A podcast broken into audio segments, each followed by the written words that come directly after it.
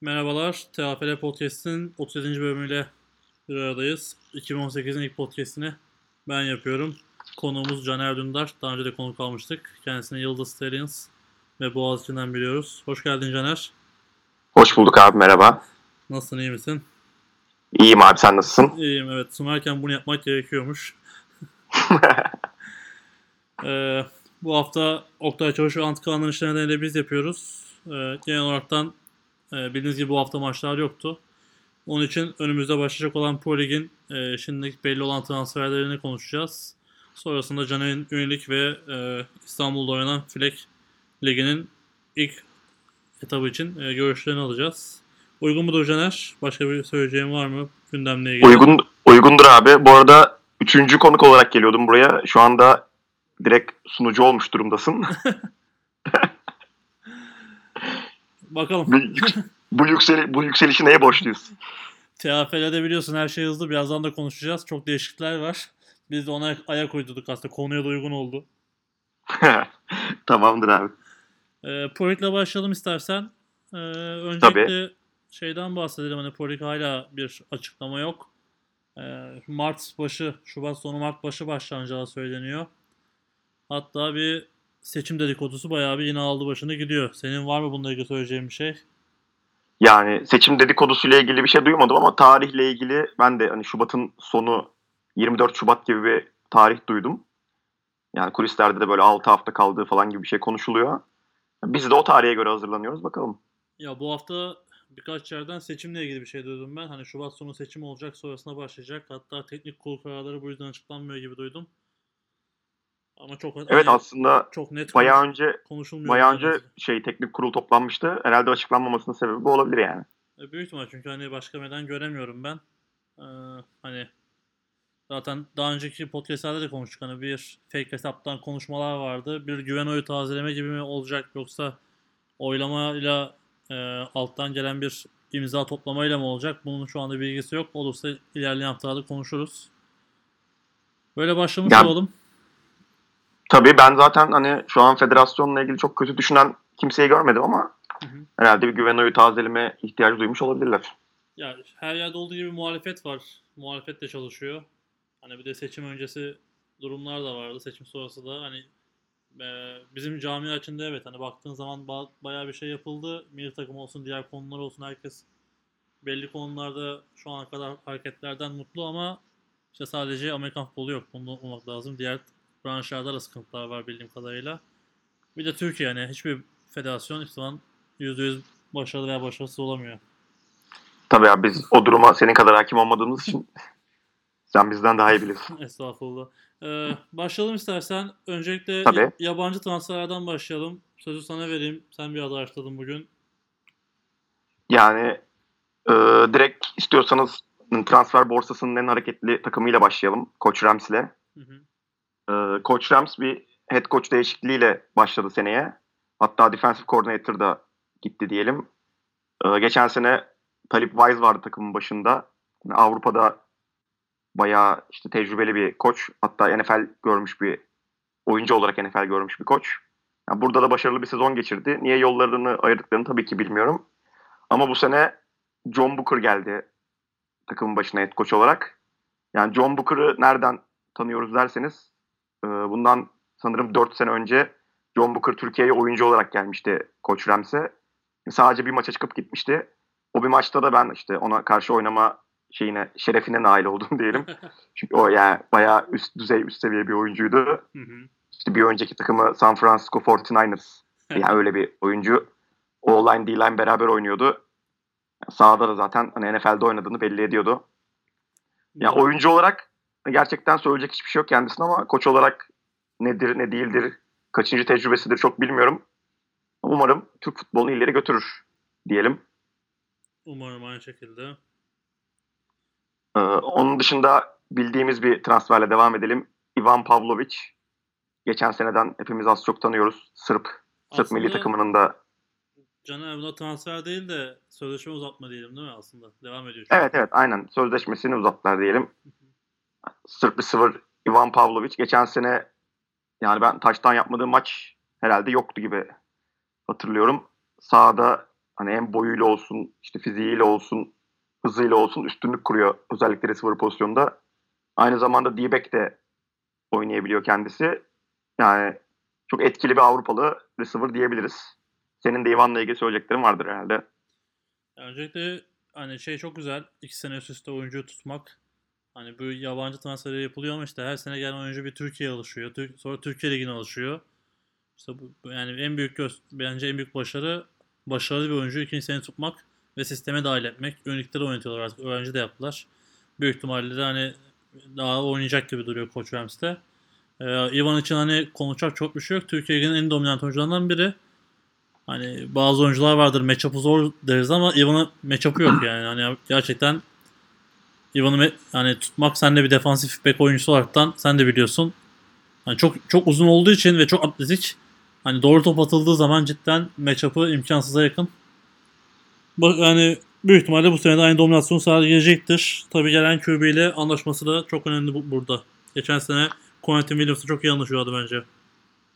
Bir de Türkiye'de şöyle bir şey var biliyorsun hani genelde D-back'ler biraz kısa boylu olur. Türkiye'de işte hani gelen oyunculardan önce iyileri seçilip böyle receiver'a koyulur. Ya bu biraz daha eski bir sistemdi tabii de. Kendinden Önce receiver'a koyulur. Kalanlar D-back'e alınır gibi bir şey vardı eskiden. Evet. O yüzden biraz daha kısa olur Türk D-back'ler. Hani o yüzden Türkiye'de de gerçekten onun için bayağı etkili olabileceği bir yer. Karşısında genelde kısa D-back'lere karşı oynuyor. Boyu zaten normal bir receiver'a göre de uzun. O yüzden hani rahat oynuyor diyelim Türkiye'de. Evet. Hani hız olarak zaten hiç bir uzun oyuncu gibi koşmuyor. Normal atlet gibi koşuyor. Hani Türkiye'de uzun oyuncular var ama koşu stil- stillerini biliyoruz. Bir şekilde işte fiziksel olarak ya da yakın mesafede savunabiliyorsun ama gerçekten zor. Ee, Ivan'dan sonra yanlış telaffuz etmiyorsam Erik Blomgren. Yani İsveçli oyuncuların telaffuzu biraz zor biliyorsunuz. Koç Rams da bu sene biraz İsveç'e şey yapmış, odaklanmış gibi görünüyor. Yani ben Europlayers şeyine baktım. O-line, D-line yazıyor ama genelde highlightlarında O-line highlight var. Hı. 1.90, 118 kilo bir oyuncu. Hani öyle size olarak Türkiye'de görmediğimiz bir size değil. Yani çok da inanılmaz aşırı büyük bir O-line değil ama yani highlight'ından gördüğüm kadarıyla çok agresif oynuyor. Yani karşısındaki oyuncuyu domine etmeye ve oynuyor ve genelde de yani bir highlight videosu tabii bu hani genelde domine ettiklerini koymuş ama domine ediyor gibi görünüyor. Sağ tackle oynadığını gördüm ben. Büyük yani Koç Rams'in o-line'ı sıkıntı çekiyordu. Sıkıntı çektiği zamanlar oluyordu. Koç Rams'in o-line'ına ilaç olacaktır gibi duruyor İsveçli oyuncu. Bilmiyorum sen hani görebildin mi, izleyebildin mi hiç? İzledim. Saygun paylaşmıştı. Big Boy diye hatta Big Boy diye paylaştı. Onun için hani merak edip de izledim. Dediğim gibi hani e, uzunluk olarak çok yapıl e, uzun değil ama yapı olarak bayağı yapılı ve senin dediğin gibi agresif pankek sever bir arkadaş büyük ihtimalle. Zaten highlight'ın yarısında pankek yapıyor yani karşı savunma oyuncusunu. evet evet. E, ama şey hani dikkat ettiysen böyle 20 yard sonra falan da yapıyor. Hani bırakmıyor oyunu. En güzel özelliği benim gördüğüm Tabii oydu. tabii agresif, agresif oynuyor bence de. Aha, yani çok mobil hareketli kendi fiziğine göre e, bayağı katkı sağlayacaktır. Bir de tabii işte biraz sonra da değiniriz herhalde. Avrupa vatandaşı olması da büyük avantaj tabii. Evet. e, ondan sonra yine bir İsveçli oyuncu. Gerçi Amerikan vatandaşlığı var da var bu oyuncunun ama Nicholas Peterson hem D-back hem receiver oynuyor. Ama yani benim tahminim çoğunlukla D-back oynatacaklarıdır. Çünkü Ivan, O-line ve QB 3 tane yabancı oynuyor biliyorsunuz. Sahada aynı anda olabiliyor. Ben Nicholas'ın genelde daha çok DB pozisyonda göreceğimizi düşünüyorum. O da işte 1.88, 88 kilo. Hani nispeten Avrupa'ya göre uzun bir esas pozisyonu aslında receiver. Ama yani D-back'te oynayacağını düşündüğümüz için D-back için uzun bir D-back. Ama boyuna göre de atletik bir oyuncu. Yani iyi bir Avrupalı receiver gibi duruyor. İşte hızlı, seri. Çifte vatandaş. Ama Çifte vatandaş bu arada bildiğim kadarıyla. evet evet. Hem Amerika hem İsveç vatandaşı. Ama ben yani highlightlarında gördüğüm kadarıyla sadece İsveç'ten maçlar var highlightlarında. Yani o da etkili bir oyuncu gibi duruyor. Geldiğinde göreceğiz. Bilmiyorum senin onunla ilgili bir düşüncen var mı? İzledin mi? Yok hani senin söylediğinden Nedir, ne değildir? Ben de highlight'ına baktım. Dediğim gibi hani e, ne oynatacaklar? Çünkü şu anda hani biraz Türkleri söyleyeceğiz. Koç Rams'in receiver kadrosu çok dolu şu anda. Ben de merak ediyorum hani kaç receiver oynayacaklar, hangi formasyon oynayacaklar ve kimden oynayacaklar. Biraz sonra Türk transferden de bahsedeceğiz. Şu an hani 5-6 kaliteli bir receiver oldu Koç Rams'in. Ee, şimdi bir defansif transferlerinden bahsedelim. Chris Oldham, D-line oynuyor kendisi. Ee, 1.79, 103 kilo. Yani 1.79, 113 kilo ne demek? Bir demek. Yani bunu zaten highlight videosunu izlerseniz de göreceksiniz. Yani elleri kolları hiç durmayan 113 kilo 1.80 boyunda bir adam yani bu.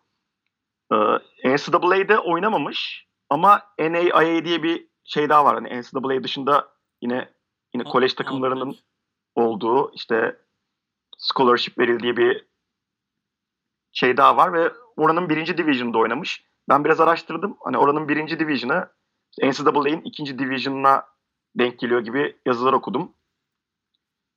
Ya ben çok etkili olacağını düşünüyorum. Çünkü hani siz de izlerseniz highlight videolarını elleri kolları hiç durmuyor. Çok agresif. Hani O-line için agresif dedik de bu D-line bence çok daha agresif. O gelen O-line'dan. Amerikalı yani işi yerinde öğrenmiş. Yerinde şey yapmış zaten. Kolejde de oynamış.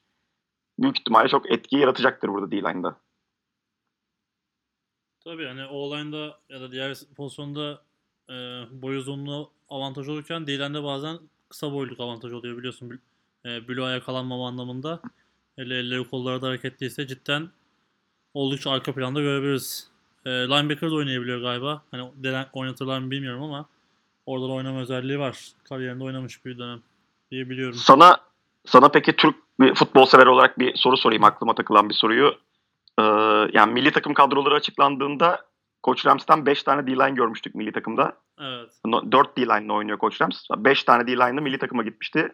Sence neden D-line almış olabilirler? Zor yerden sordun. Ra- Rasim Ozak'ta hayda diye başlamak istemiyorum ama. e, tabii D-line koçu Saygun'du yanlış hatırlamıyorsam. Hani kendi Evet. bildi- kendi bildiği oyuncularla oynamak istemiştir doğal olarak. E, Türkiye'de de hani son yıllarda e, D-line konusunda en iyi takımlardan biri Koç Rams. İşte Saygun, e, Orhun olsun, Berkay olsun, e, diğer koçtaki arkadaşlar olsun. E, Ya tercihtir. Hani geçen podcast'ta konuştum. Bunu aldın, bunu almadın. Bunun sonu yok. E, Niye 5 kişi aldı dersen de Yo niye 5 kişi aldığını sormuyorum. Sadece acaba neden ihtiyaç duydular onu soruyorum. ya işte O-line'da da aynı şey vardı. Hani O-line'da da guard yoktu. Bildiğin asıl guard oynayan guard yoktu. E, D-line'da da böyle aldılar ki çok farklı bir e, defansif oyun oynadılar milli maçta da.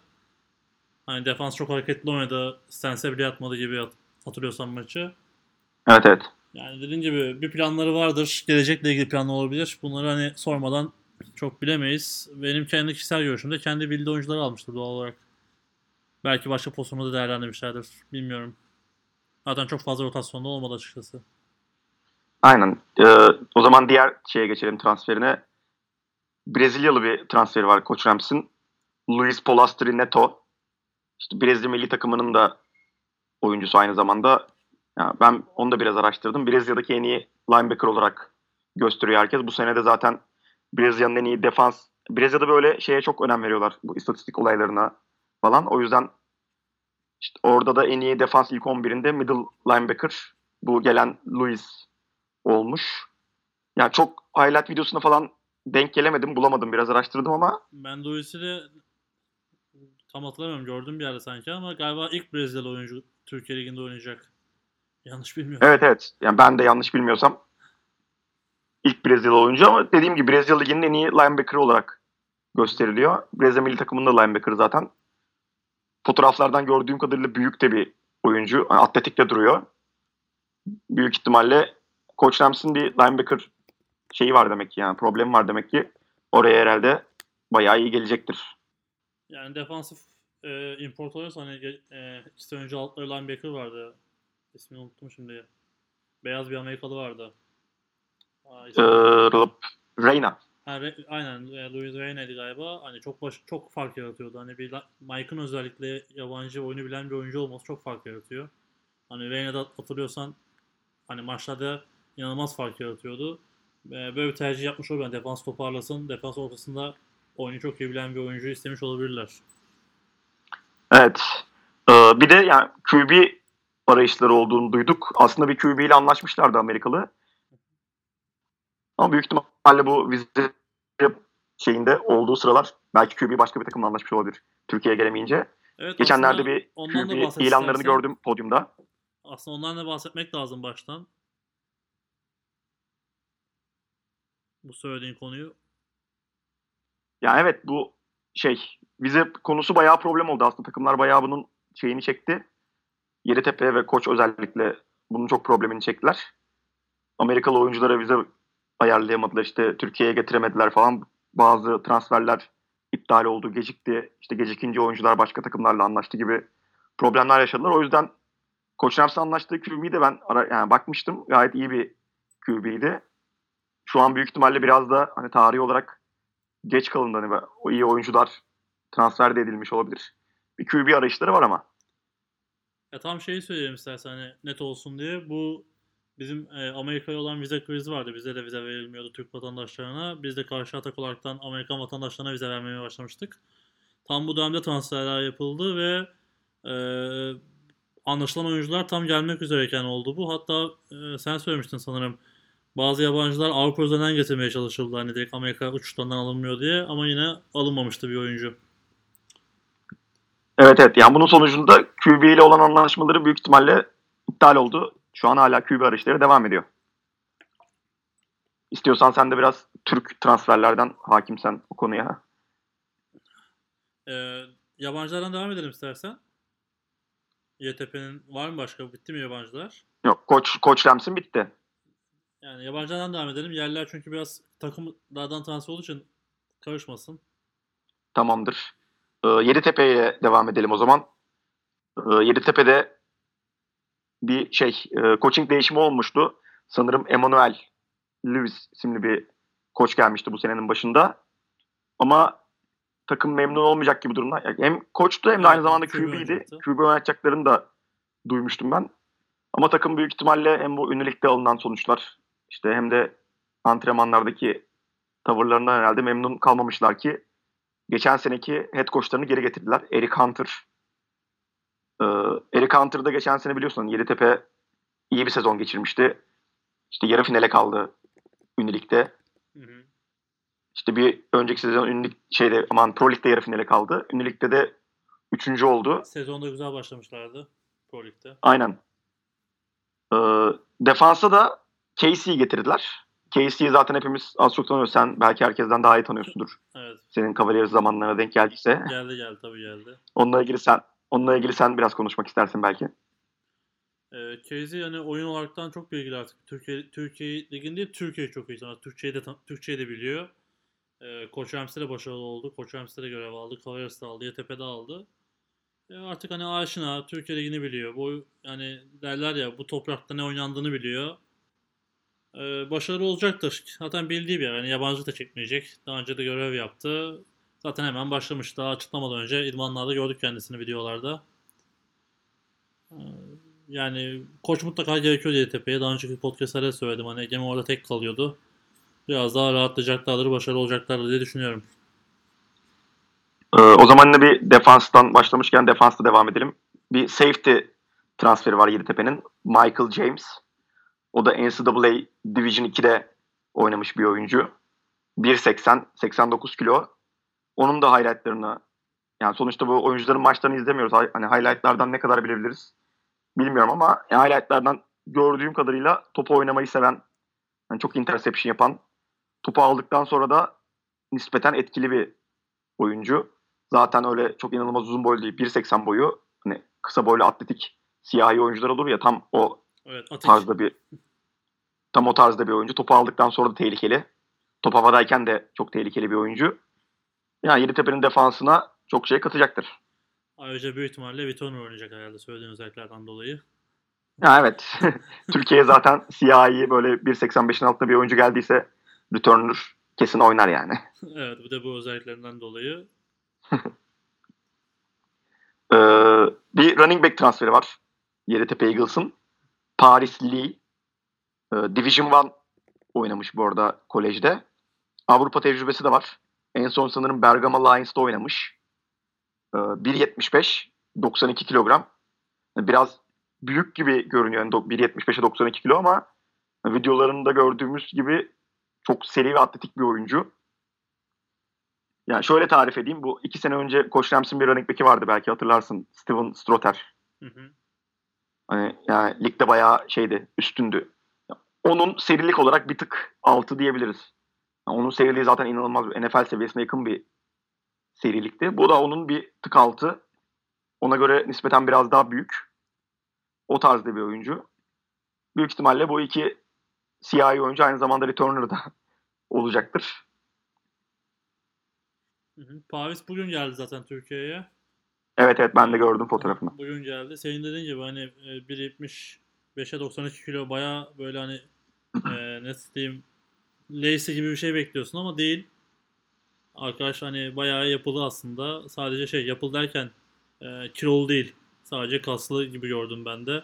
Biraz iri tabii ama hani 1.75'e 92 kadar şişman değil diyeyim. Hani şişman back'lerden değil. Onunla da gördük Türkiye'de biliyorsun. Evet evet. Ee, çok tecrübeli artık. 27 yaşında Avrupa tecrübesi var. Bergamo Lions'ta oynadı daha önce. Ee, uyum sağlarsa çok etkili olacaktır YTP için. Bu arada Yeditepe'nin bir QB arayışı olduğunu biliyoruz. Ama yani şöyle de bir kural var. Bu kuralı söylemedik ama e, 10 tane oyuncu yani yabancı oyuncu alabiliyorsunuz. Kadronuzda bulunabiliyor. 10 oyuncu transfer edebiliyorsunuz. Ama sadece ikisi bunlardan kolej oynamış olabiliyor. Ve aynı anda sadece 3'ü sahada bulunabiliyor. Şimdi Yeditepe'nin bu iki oyuncusu da kolej oynamış. Yani hem safety hem running back'i. QB'yi nereden alacaklar? Acaba kolej oynamamış bir Amerikalı mı alacaklar yoksa Avrupa'dan mı alacaklar? Bunu da tam bilmiyoruz. Senin de dediğin, ya sen söylemiştin yakında açıklanacak diye. Herhalde birkaç güne QB'yi de bulup açıklayacaklar sanırım. Ben de merak ediyorum nereden Sadece alacaklarını. QB değil, başka yabancı oyuncu da alacaklar bildiğim kadarıyla. Bu hafta sonu açıklayacaklar diye biliyorum. Ee, QB arayışları devam ediyor. Daha tam orada anlaşma sağlamadılar diye öğrendim. Ee, ama başka yabancı oyunculara bu hafta sonu açıklayacaklar.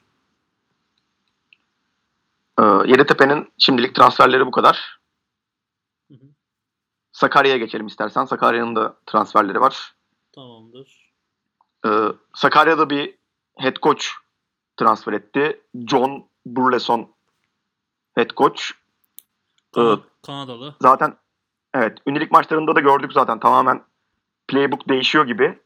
Hani takım playbook'a ne kadar hazır ne kadar değil. Aslında erken yaptılar transferi. Şu ana kadar büyük ihtimalle hazır olmuşlardır ama ünilikte bunun çok şeyini çektiler. Sıkıntısını çektiler.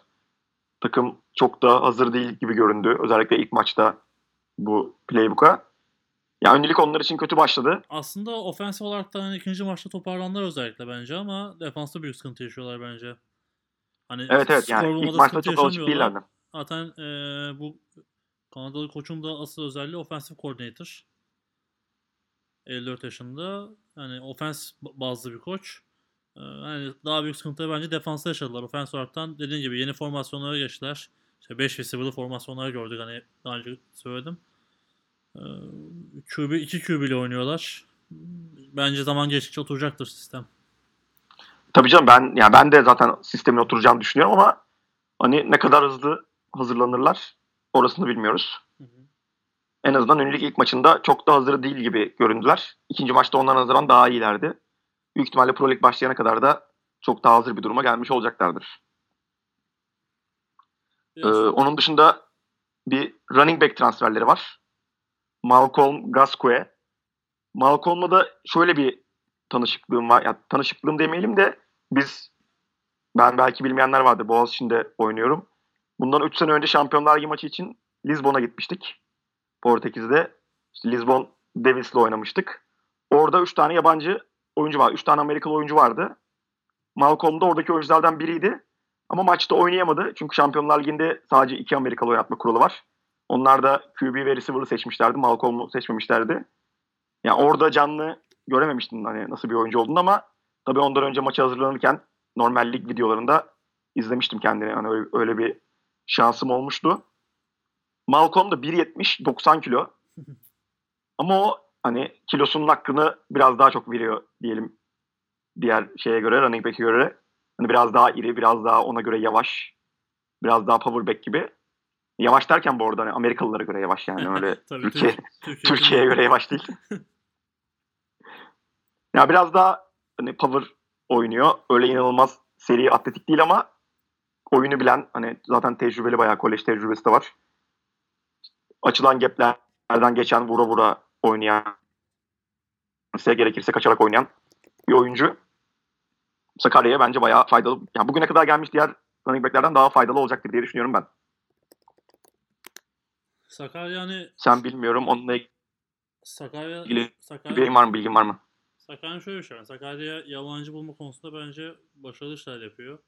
Hani şu ana kadar getirdiği yabancı oyuncular hep e, geçmiş başarılı oyuncular. İşte Ken White olsun, geçen sene Teddy Running olsun. Bu sene de hani kötü transferler yapmadılar. E, yani baktığın zaman İstanbul'a götürmek, oyuncu getirmekten daha zor Sakarya'ya getirmek. Sonuçta İstanbul'da Tabii, tabii. her zaman bir ismi var. Onun için ben cidden başarılı buluyorum. E, bu sene yabancı koç da getirdiler. Sonuçta hani bir Amerikalı için yabancı koç çok önemli oluyor. Ne olsa olsun. Hani biraz Amerikalı gibi düşündüğün zaman işte biraz Türk koç olunca sıkıntı yaşayabiliyorlar. Yani bunları hepimiz gördük. Onun için bu sene daha başarılı olacaktır bence. Yabancılarıyla. Ee, Sakarya daha yabancı getirir mi? Sence? Bence getirir. Ne Yani bir yabancı transferleri daha var aslında. Ee, Sergio Natividad. Sanırım Meksika asıllı bir Amerikalı. Linebacker. Hı hı. 1.80 93 kilo. Yani şeyde hani Europlayer'da falan highlight'ına hiçbir yerde denk gelemedim. Sadece fotoğraflarını görebildim. Ya büyük duruyor. Zaten 1.80 93 kilo. Yani büyük beyaz bir linebacker diyelim. Bakıp göreceğiz onda nasıl olduğu ile ilgili hiçbir fikrim yok çünkü videosunu göremediğim için. Hı hı. Ama bir defansı linebacker transferleri de var. Evet o zaman güzel olmuş. Zaten hani Sakarya'nın diğer ünitelerinde şu an en çok defansa ihtiyacı var gibi duruyor. Evet evet. Belki bir transfer daha yaparlar defansa bilmiyorum ama yani bayağıdır ses çıkmıyor Sakarya'dan transfer konusunda. Belki de bitirmiş olabilirler transfer sezonunu. Hı hı. Ya onun dışında şimdilik başka yabancı transfer görünmüyor gibi. Hani İTÜ sessiz, Boğaziçi'nden ses yok. Mersin'de yabancı oyuncu transfer ederdi ama onlardan da ses yok. Yani belki bu takımlardan da bir atak gelirse ileride bunları da konuşabiliriz. Boğaziçi'ni sana soralım. Var mı bir düşünce, haber? Yani şöyle söyleyeyim her takımın bir transfer komitesi var. Yani sonuçta bu işleri transfer komitesi yürütüyor. Ben de transfer komitesinden birisi olmadığım için siz ne kadar biliyorsanız ben de o kadar biliyorum yani şu an. Diyeyim. Son Hani takım içinden haber vermemek değil gerçekten bu kadar biliyorum. O yüzden durum tamamen bu. Tamamdır. Ee, var mı yabancı transferle ilgili söyleyeceğim başka bir şey Caner? Yani yabancı transferlerle ilgili söyleyeceğim bir şey yok. Sadece getirilecek QB'leri merak ediyorum şu anda. Koç'un ve Yeditepe'nin QB'lerini. Onlar da geldikten sonra az çok transfer sezonu bitecek gibi duruyor. Önümüzdeki birkaç hafta hareketli geçecek gibi duruyor. Tabii safety, Özellikle QB konusunda. safety olarak en çok QB'leri merak etmen çok doğal. Tabii tabii. Şeyi söyleyelim aslında hani bunu işte neredeyse 25 dakikadır konuşuyoruz. Çok güzel bir şey. Türkiye Ligi'nde bu kadar yabancı transferi konuşabilmek. Yani umarım dediğin gibi İTÜ, Boğaziçi ve Mersin de getirir. Ligimiz de e, yani kaliteli yabancı geldiği sürece herkese faydası oluyor. Oyuncuya da oluyor, izleyene de oluyor. Karşısında oynayana da oluyor. Hani sen, sen safety oynuyorsun. Hani Türk iyi QB'lerimiz var ama yabancı bir QB karşı çok farklıdır eminim ki. Hani seni çok daha fazla geliştiriyordur. Tabii ki tabii ki. Yani ne bileyim en azından motive ediyordur. Hani ben çok e, oyuncu biliyorum karşıdan Amerikalı olunca çok farklı oynuyorlar. Farklı motive oluyorlar. Bir de klasik gazlama vardır. İşte bu orada bunu yapmış, bunu yapmış, sen Türk oğlusun diye sahaya, sürme var. Biliyorsun ki. Ya bizde genelde öyle bir şey yok ama. Var var. Çoğu Biraz yerde daha- var emin ol ki. yok bizde derken ya benim oynadığım Boğaziçi'nde öyle bir, biz daha biraz daha profesyonel yaklaşıyoruz bu duruma ama tabii olan yerler vardır evet. Herkesin gaza gelme şekli farklı sonuçta. Ee, ya dediğin gibi özellikle işte biraz daha size olarak ufak defanslar böyle hani size'lı Amerikalılara karşı gazla çalışıyor ne yazık ki. Hani Türkiye Ligi'nde de senin de dediğin gibi bazı defansif backler ya da ne bileyim e, linebacker'lar karşı running back'lere göre çok ufak kalıyor. Gazla çalışamıyor diyelim. E tamam hani evet. Ol- olduğu kadar diyelim. Başarılı olanlardan var şimdi. Hani Türkiye'de alttan tackle başarılı olan defansif backler var. Tabii tabii. Hani ben Cavaliers zamanında da hani Harper'ın söylediği bir şey vardı hani biz bu Türkiye Ligi'nde oynarız ama yarın öbür gün Avrupa'ya çıktığımızda bu running back'lere karşı bu linebacker'lar zor derdi. Ee, 110 kilo linebacker isterdi mesela. Türkiye'de böyle oyuncu var mı diye sorardı bana. Çünkü gerekiyor hani yarın öbür gün Avrupa'da maç yap- yapıyorsak bu linebacker'larla running back'leri durdurmak zor diyordu. Bu arada ben de hani çok yabancıları abartıyorum gibi görünmesin ama şöyle bir gerçek de var. 2-0-2 bir adamı yani 1.75 bir adam ne kadar savunabilir yani? Böyle bir bu da bir gerçek sonuçta. Tamam 1.80 adamı 1.80 adam belki savunabilir ya da 1.85 adamı 1.80 adam savunabilir ama 2-0-2 bir adamı 1.75 1.80 bir adam nasıl savunacak yani? Biraz da mantık çerçevesine bakmak lazım olaya. E tabi oyunu bilen bir oyuncuysa ve iyi bir QB'si varsa doğru yere top atıyorsa zaten imkansız dönüyor yani. Yani evet. Podcast maçı sonu gibi.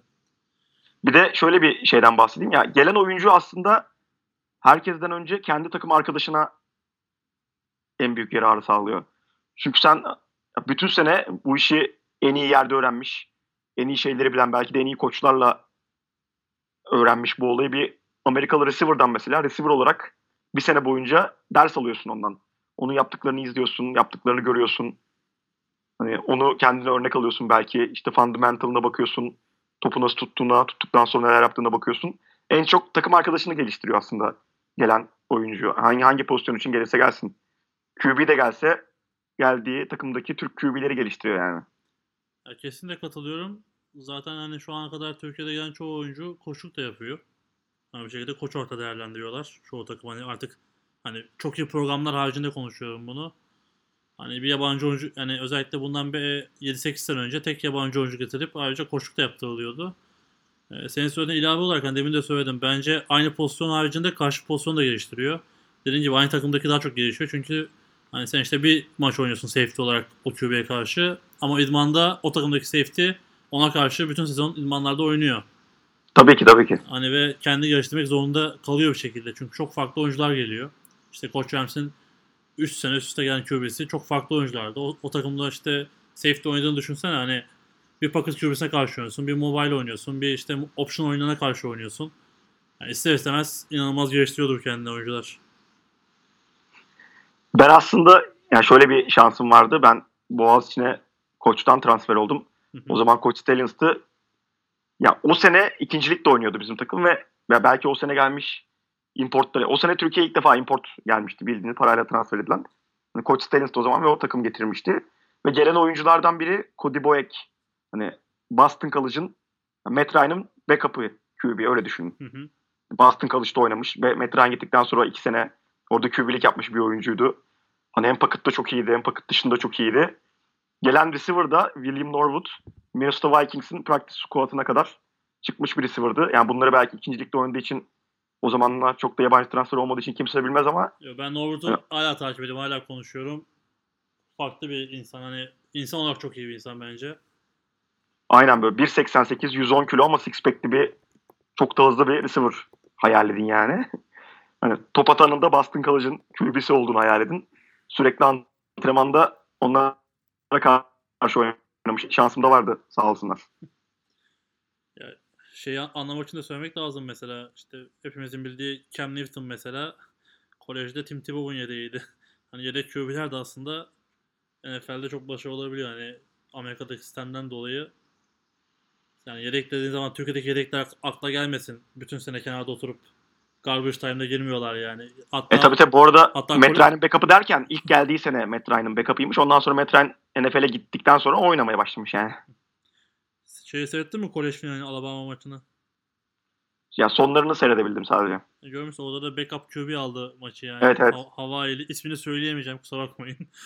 İnanılmaz zor Tag, bir isim tag, var. Tagliavello gibi bir şey olması lazım. evet inanılmaz zor bir isim var. Hani ezberleyemem onu ben. Tao Tagliavello gibi bir şey olması lazım. Yani Hilmi bile tam söyleyemediyse ben hiç uğraşmayacağım açıkçası. O zaman yerel transferlere geçelim. Ne dersin Caner? Tabii abi. Sen başla ben de bildiğim kadarıyla sana yardımcı olayım. Tamam bu da herhalde Türkiye Ligi'nde bir ilk olacak. Sezon öncesi yerel transferlerin konuşulması. Ya aynen aslında güzel bir gelişme. Yerli Evet. transfer de olur. Yani şehir değiştiren işi dolayısıyla şehir değiştiren, okul dolayısıyla şehir değiştiren oyuncular oluyor. Olmaya da devam edecek. Mecburen farklı şehir, farklı takım yani. Yok sadece bu, o mantıkta değil yani artık takım değiştiren oyuncular da var. Belli hedeflere giden ya da takımından e, yani sorun yaşamak dışında da bir başka bir programda oynamak isteyen oyuncular da var. Yani, Tabii tabii onlar da var. Evet. Yani çünkü birazcık işte e, bu Avrupa maçları özellikle ve milli takım bazı insan, bence bu çok değiştirdi. Yani milli takım ve Avrupa maçları çok değiştirdi insanların görüşünü. Bir şekilde belli takımlarda oynamak istiyor artık insanlar diye düşünüyorum ben. Ya evet kendini gösterebileceği programlara geçmek istiyor Türk oyuncular da doğal olarak. Kendini gösterebilecekleri programlar da az çok belli zaten. Transferleri yapanlar da zaten genelde bu takımlar oluyor.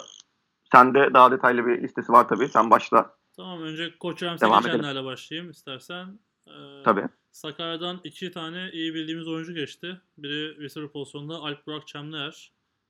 Evet. Ee, diğeri de Ali Gündoğdu 44 numaralı safety'si. İkisi de Koç Ramsey geçti bu sene. Ee, bu aslında en büyük şey, transfer bu oluyor. Çünkü geçen sene finali, finali düşünürsek e, iki tane e, tecrübeli bilinen oyuncu Koç Ramsey geçmiş oldu.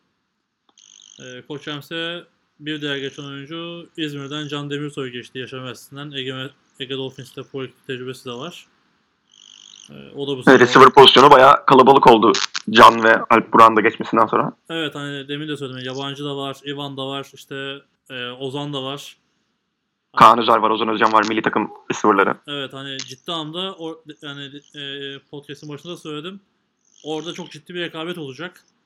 Nasıl olacak merak ediyorum açıkçası. Yani bu kadar kaliteli ve iyi oyuncular nasıl bir rekabet içinde başarılı olacak? Bu arada bu İsveç'ten gelen receiver da var yani. O da aslında esas pozisyonu receiver. Sadece Ivan yok. Evet evet işte onu, onu da sayıyorum. Zaten onu söyle söylemiştim ben Aynen. sana. Hani şu an baktığında 5-6 tane ciddi receiver var. Ee, bir de Muzaffer var. Hani bizim bildiğimiz Fleck'ten de biliyoruz. Muzaffer koçta şu anda Fleck futbolda koçluk yapıyor. Oyuncu olarak oynayıp oynamayacağı belli değil. Ben oynamayacak diye biliyorum ama Ya işte ben de oynamayacak diye biliyorum ama biliyorsun bu o işin içinde olduğu zaman kan çekiyor bir süre sonra idmana gelebilir. Hani ben şaşırmam. Ya da başka bir takımda da olabilir. İTÜ'de devam edebilir. Tabii göreceğiz. Ee, Koç Rams ile ilgili şu anda böyle. Sakarya'ya geçenlerden bahsedeyim. Ee, Kocaeli'nden bir e, 5-6 kişi Sakarya'ya geçti bu sene. Ee, sor- sorduğumda da hani Pro Lig devam edecek mi diye sordum birkaç kişiye. Devam edebilir dediler ama bu kadar oyuncu Sakarya'ya geçiyor. Ee, David Bozkurt. Bunlar TV Press'te yazıyor. Yani David Bozkurt, benim çok eski takım arkadaşım Cavaliers'tan. Çok pozisyonlu oynadı. Şu anda Tydent oynuyor. Ee, Berkan Uzun'u e, bilen ne olur değil aynı oynuyordu Sakarya, e, Kocaeli'nde. O Sakarya'ya geçti. Ayrıca Alper Agakan Ömer de geçti. E, sırayla defansif bek, Dilan Ivanik bek pozisyonunda bildiğimiz kadarıyla. Bunlar tabii kesinleşmiş değil ama sadece hani duyduğumuz diyelim. E, bu ilginç bir karar gibi geldi bana. Çünkü Kocaeli'de hani Polik'te mücadele ediyordu. Hatta geçen sene İstanbul'dan da gidenler vardı, balıkçılar vardı. Bu sene de birleştiler diye biliyorum. E, yanlış olmasın. Okan'la birleşmişlerdi galiba. Bilgin var mı Caner? yok hiç duymadım o birleşmeyi. Ya bir tane e, Anadolu yakasındaki bir takımla birleştiler. Hani onlar program olaraktan birleşecekler diye biliyordum geçen seneden. Ama şu andaki durum sonucunda ne olacak bilmiyorum açıkçası. Yani Ee, pro onlar da belki pro birincilikte hani oynamak istemiş olabilirler bazıları. Belki hala Kocaeli'nde koçluğa devam edeceklerdir ama Sakarya'da oyuncu olacaklardır gibi bir seçenek de düşünmüş olabilirler. e, olabilir dediğin gibi hani. e, Sakarya'ya güç katacakları kesin ama sonuçta Berkan, David falan senelerdir ligde Hı oynayan oyuncular. Diğerlerini çok fazla tanımasam da o ikisini az çok ya Berkan'la zaten takım arkadaşı da takım arkadaşı da olduk. hı hı. Beraber de oynadık. Sakarya'ya güç katacaklardır bence. Bence de hani tecrübeleriyle olsun diğer konularda olsun ama işte hani benim bildiğim hala Kocaeli'de yaşıyorlar. Hani idman Evet, devamlı, evet. idman devamlı nasıl olacak onu bilmiyorum. Yani Sakarya'ya ne kadar bir buçuk saat falan sürse şöyle düşünün. Ataşehir'den İstan, İstanbul'u düşünce evet. Ata, Ataşehir'den Sarıyer'e de hani oyuncular mesela koçun koç için antrenmana gidenler bir saat bir buçuk saatte gidiyorlar yani en az. Evet İstanbul'da olunca böyle yani bizim gibi İzmir'de 20 dakika uzaklıkta olsa uzak diyen oyuncular oluyor ne yazık ki. İstanbul'da öyle değil maalesef. Evet hani işte ben de mesela işte biliyorsun İstanbul'da İzmir'e geldim. İşte, Aynen aynen. işte ev tutuyorum hani iş yeriyle alakalı. Çok uzak diyorlar. İşte 16 dakikada 17 dakikada işe gidiyorum ben. Uzak diyorlar falan böyle hani hala garip geliyor bana yani. devam edeyim. YTP'ye devam edeyim. Ee, Sakarya'nın geçen sene finalde taştan yapan receiver'ı Ozan Ceylan YTP'ye geçti. Onun dışında Efe'lerden, e, 9 Eylül Efe'lerden bu sene de başarılı bir performans sergileyen Kortay Ceylan running back pozisyonunda YTP'ye geçti. Hani yabancı running back de var. Kortay da geçti. E, YTP o pozisyonu bayağı bir doldurdu. E, Acaba şey mi oldu bu ünlülük maçında karşılıklı oynadılar ya. Evet. Oradan oradan sonra bir transfer teklifi mi gitti acaba? Valla yani Çünkü ünlülük maçında bayağı yani bayağı iyi oynadığını duydu. Şey Kortay'ın bayağı iyi oynadığını gördük. Sayıları da o yaptı diye hatırlıyorum ben. Maçı izledim zaten. yani Kortay Bayağı sen- bayağı koştu yani Yeditepe'ye. Yeditepe'de hani belki yabancı koçu falan performansını beğenmiş olup böyle bir şey sunabilir miyiz diye düşünmüşlerdir. Olabilir tabii. Hani Kortay fiziksel olarak çok kuvvetli bir oyuncu. Hatta işte milli takım şeyinde e, Combine'ında 100 kilo 17 tekrar yapmış bir running back. Ya da 16 idi yani 16 17 fark etmez. Hani line'lar kadar e, işte Combine'da performans sergileyebilen, senelerde hani fiziği hiç değişmeyen bir oyuncu. Yani biraz daha fullback diyelim aslında. Yani çok o fullback oynamıyor Efe'lerde ama e, yani daha böyle şey Efe'lerin biraz koşu şeyi farklı biliyorsun. Koşu blok şemaları Evet, fa- farklı biraz. Biraz out veya direkt e, dive koşmayı seviyorlar. Fullback'e çok geçmiyor Kortay aslında. Bir tane daha running back vardı. O geldiğinde bazen geçiyordu. O da değişiyor. Ama ilginç olacak. Hani çok da konuşamadım. Birazcık konuşma fırsatım oldu. İşte İzmir'den İzmir'de yaşıyor bildiğim kadarıyla. İstanbul'da nasıl olacak? Onu ben de merak ediyorum. Bir de yani şunu da merak ediyorum aslında biraz bu çok oluyor aslında Türkiye Ligi'nde. Şimdi ünlü büyük olduğun zaman yani biraz da hızlı olduğun zaman en büyük hem de hafiften hızlı olduğun zaman yani çok da seni durduramıyorlar. Ama Pro Lig'de özellikle büyük linebacker olan takımlara gelince bu oyuncu ya bir önceki hafta 300 yard koşmuş adam 200 yard koşmuş. Bir geliyor bir sonraki hafta Pro Lig maçında 20 yard koşamıyor o maç. Hani böyle bir şey de yaşayabilir. Hani yaşayacak diye demiyorum ama böyle bir şeyle de karşılaşabilir yani sürekli running back oynarsa.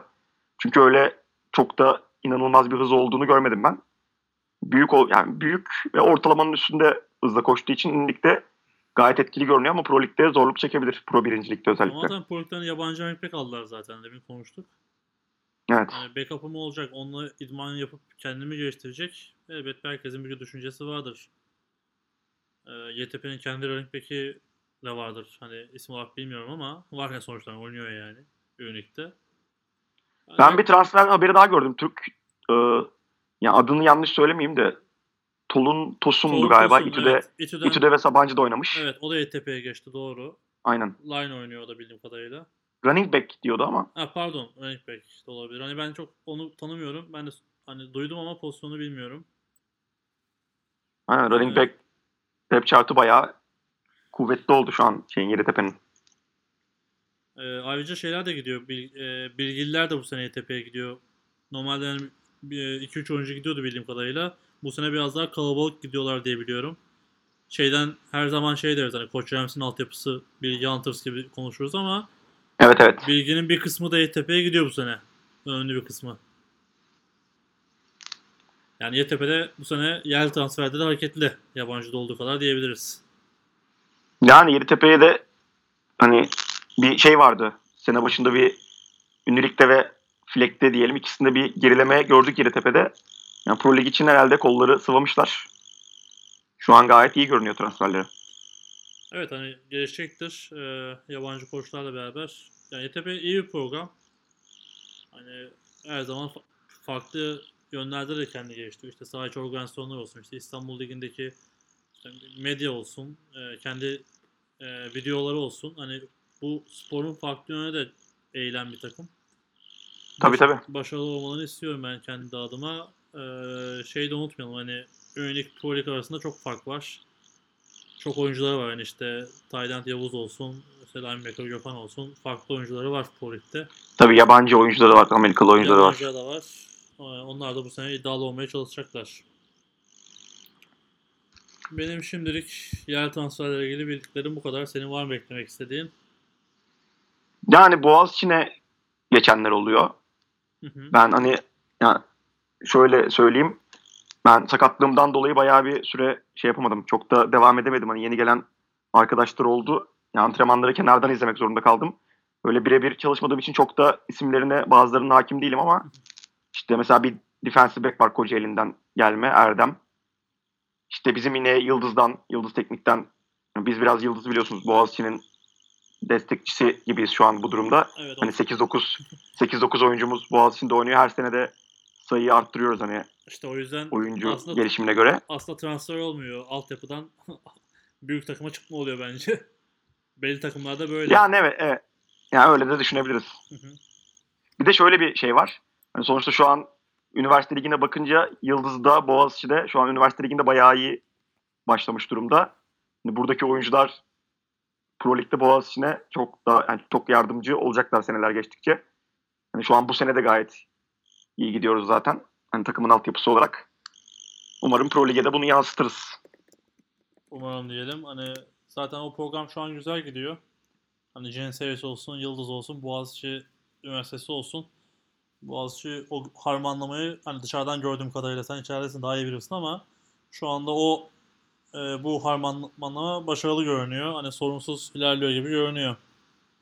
Evet, evet sadece zaten Yıldız ve Boğaziçi değil aslında İstanbul Üniversitesi ve Işık da biraz Boğaziçi'nin şu an ufaktan altyapısı durumunda. Hani şey, ikisi tamamen değil sonuçta. Hani İstanbul'un ve Işık'ın koça giden oyuncuları da var ama Evet.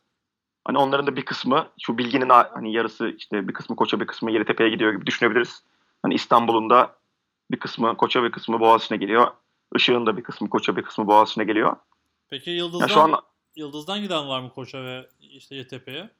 Yok biz şey Yıldız'la koçu ayırdıktan sonra hani Koç Stellins'tan Koç Rams'e döndükten sonra bütün oyuncular orayı bırakmıştı. Sadece bir kişi kalmıştı orada. O da zaten üniversitemizin oyuncusu değildi o zaman. Yıldız mezunuydu sadece.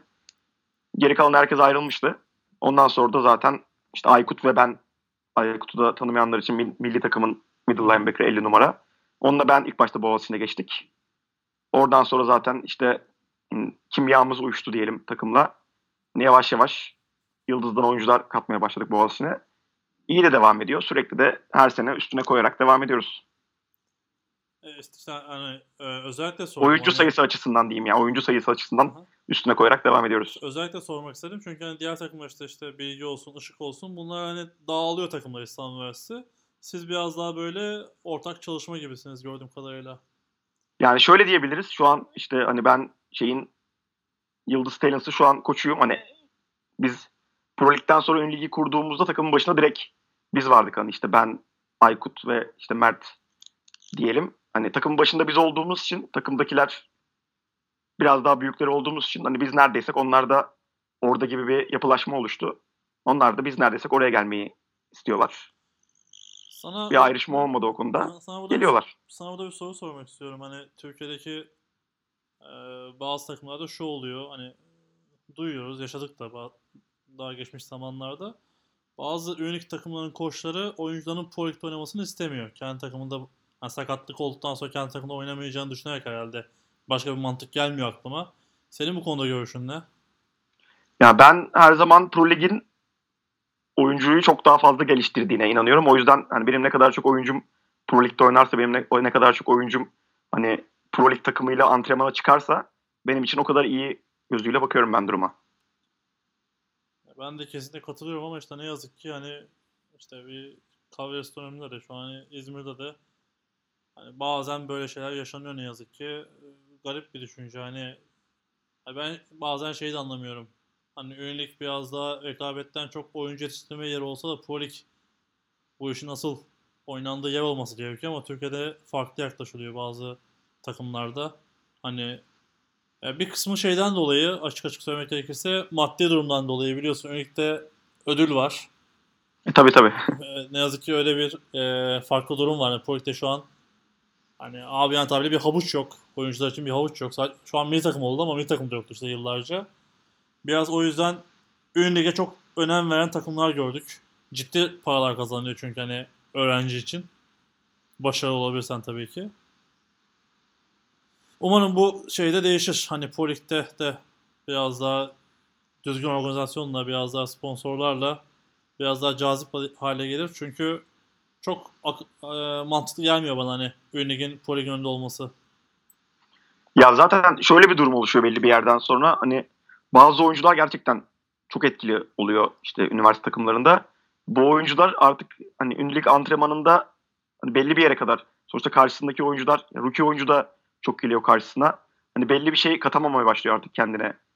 Ünlülük antrenmanında karşısında oynadığı oyuncu ona bir şey katamamaya başlıyor. Daha üst bir seviyede oynaması ve hani rakiplerle karşılaşması gerekiyor.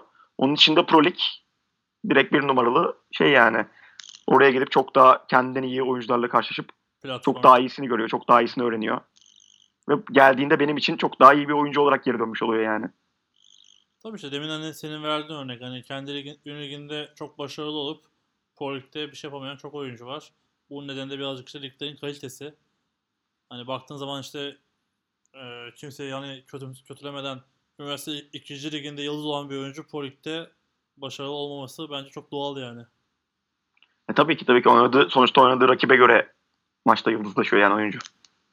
Tabii rakibe işte fiziksel özelliğine, koçince göre hani e, nasıl diyeyim sana üniversite işte üniversite liginde karşı takımın koçu hani oyunu çözüp önlem alamazken Pro Lig'de bunu yapması bir dam veya iki dam sürüyor. Oyunu çözüp karşısına bir defans koyması.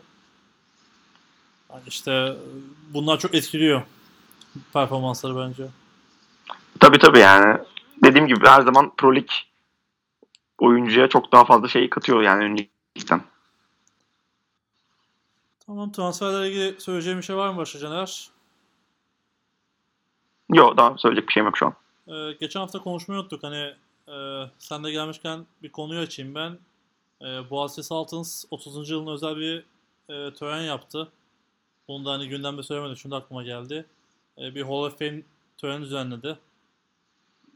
E, katılabildin mi sen? İzledin mi ya da? Ya ben katıldım. Aslında yani çok da güzel bir organizasyondu. Hani işte oraya gittiğimde hani 1990 senesinde belki ben hani benim doğduğum zamanda Amerikan futbolu oynayan insanları gördüm. O zamandan fotoğrafları gördüm. Hani Amerikan futbolunun Türkiye'deki gelişiminin fotoğraflarını gördüm. Canlı tanıklarına ben de şahit oldum. Konuşmalarını dinledim. Yani şöyle söyleyeyim. Yani 1990 senesinde Amerikan futbolu oynayan da oradaydı.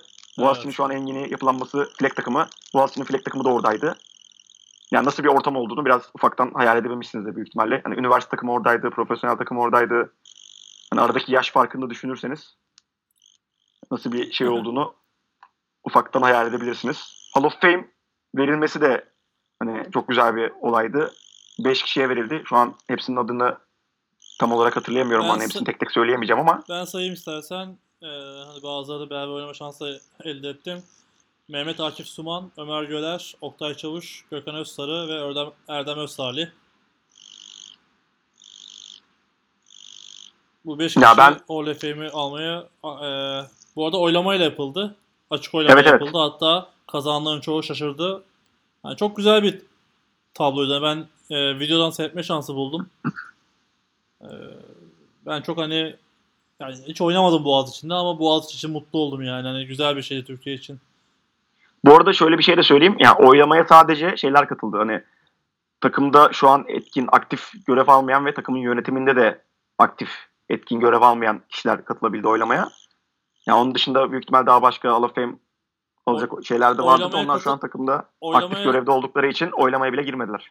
Yani aday ala- aday olabildiler diyelim. Tam doğru Yok, tabir A- olsun. aday da olamadılar. Yani hiç aktif görevde olan hiç kimse aday olamadı. Yok yok hani oylamaya katıldılar diyorsun ya. Oylamaya bildiğim kadarıyla oyuncular da oy verdi şu an aktif olanlar. Ama Hall of Fame adayları dediğin gibi aktif görevde olmayanlardan seçildi. Aynen aynen evet. Hı hı. Ee, törenle Yani güzel bir geceydi. Hem Boğaziçi için hem Türk Amerikan futbolu için güzel bir geceydi diyelim. Başarılı bir gece oldu. Hani organizasyon adına da güzel bir gece oldu. Hem takımın geçmişiyle bugünkü hani geleceğini biraz daha kaynaştırmış oldu. hem de böyle etkinlikler olması, Türkiye'de Amerikan futbolunun 30 yaşına gelmiş olmasını görmek bizim için güzel bir şeydi. Ee, var mı kamera arkasından söylemek istediğim bir şey? Güzel bir anı olur, bir şey olur, farklı bir şey olur. Yani çok güzel hikayeler anlatıldı ama yani ben hem aynı güzellikle anlatamam şu an. Hem de Hikayeler, yaşayanların hikayeler yaşayanların anlatması- ya. efendim. Hikayeler inanılmazdı. Evet evet. Ya bir de şeyi görüyorsun hani 20 sene önce oynamış insanların hala aynı samimiyette olduğunu görüyorsun. Hala aynı takım arkadaşlığını görüyorsun. Çok güzel bir görüntüydü bence. E, tabii tabii aynen. Çok yani dediğim gibi hem Amerikan futbolu için hem de Boğaziçi Saltası için çok güzel bir geceydi. Ama- Organizasyonun yapanların da ellerine sağlık diyelim buradan. Ee, devamı da gelecek diye biliyorum. Umarım hani düzenli bir hale gelir. Ve devamı gelir. Biraz da şey oluyor tabii. Ee, nasıl diyelim? Kermese dönüyor aslında. Hani o yüzden de güzel oluyor. Hani kulüpleşme anlamında da konuşmalar oldu bildiğim kadarıyla. İşte tişört satışı olsun. ee, işte üye olmalar olsun. Toplanma olsun. Çok hani yapılması gereken hareketler bunlar. E, tabii tabii. Yani takım içinde dediğim gibi çok faydalı bir etkinlik oldu. Yani kermes ortamı da oluşuyor dediğin gibi. Eskiler sonuçta geliyor takımla ilgili bir şeyler satın almak istiyorlar. Onu alıyorlar takımın belki yönetimine üye aday olmak istiyorlar. işte üye olmak istiyorlar. Oraya üye oluyorlar. İşte takımın ne halde olduğunu görüyorlar. Takıma daha fazla yardımcı olmak istiyorlar gibi şeyler oluyor. Çok da yararını gördük. Evet hani kulüpleşme anlamında da işte organizasyon anlamında da tebrik ederim Boğaziçi'ne. Ee, devamı, Ben de takımım adına teşekkür edeyim sana. devamında görürüz umarım. Umarım. Ee, Point'le ilgili bu kadar diyelim. Ee, şöyle yapalım mı Caner? Hani beklediğimizden uzun konuştuk, güzel konuştuk. Bir saate yaklaştı. Evet. Ee, istersen diğer konuları bir sonraki podcast'ta bırakalım. Olur. Hem orada da hani daha daha rahat konuşuruz. Şimdi hani e, konuşmaya başlasak çok uzun konuşamayacağız. Yani uzadı çünkü bir saat oldu. Aynen aynen. Ben de bu kadar süreceğini düşünmüyordum ama güzel oldu. Çok güzel çok güzel oldu. Hani beklediğimden de güzel oldu. Ee, sonra işte NFL e, NFL TR podcast'i iki buçuk saat sürerse bizim bizim dinleyici buna alışık değil kaldıramaz bence. Aynen aynen. Tamam o zaman e, önümüzdeki hafta tekrardan görüşmek üzere dileyelim. Var mı söylemek istediğim şey?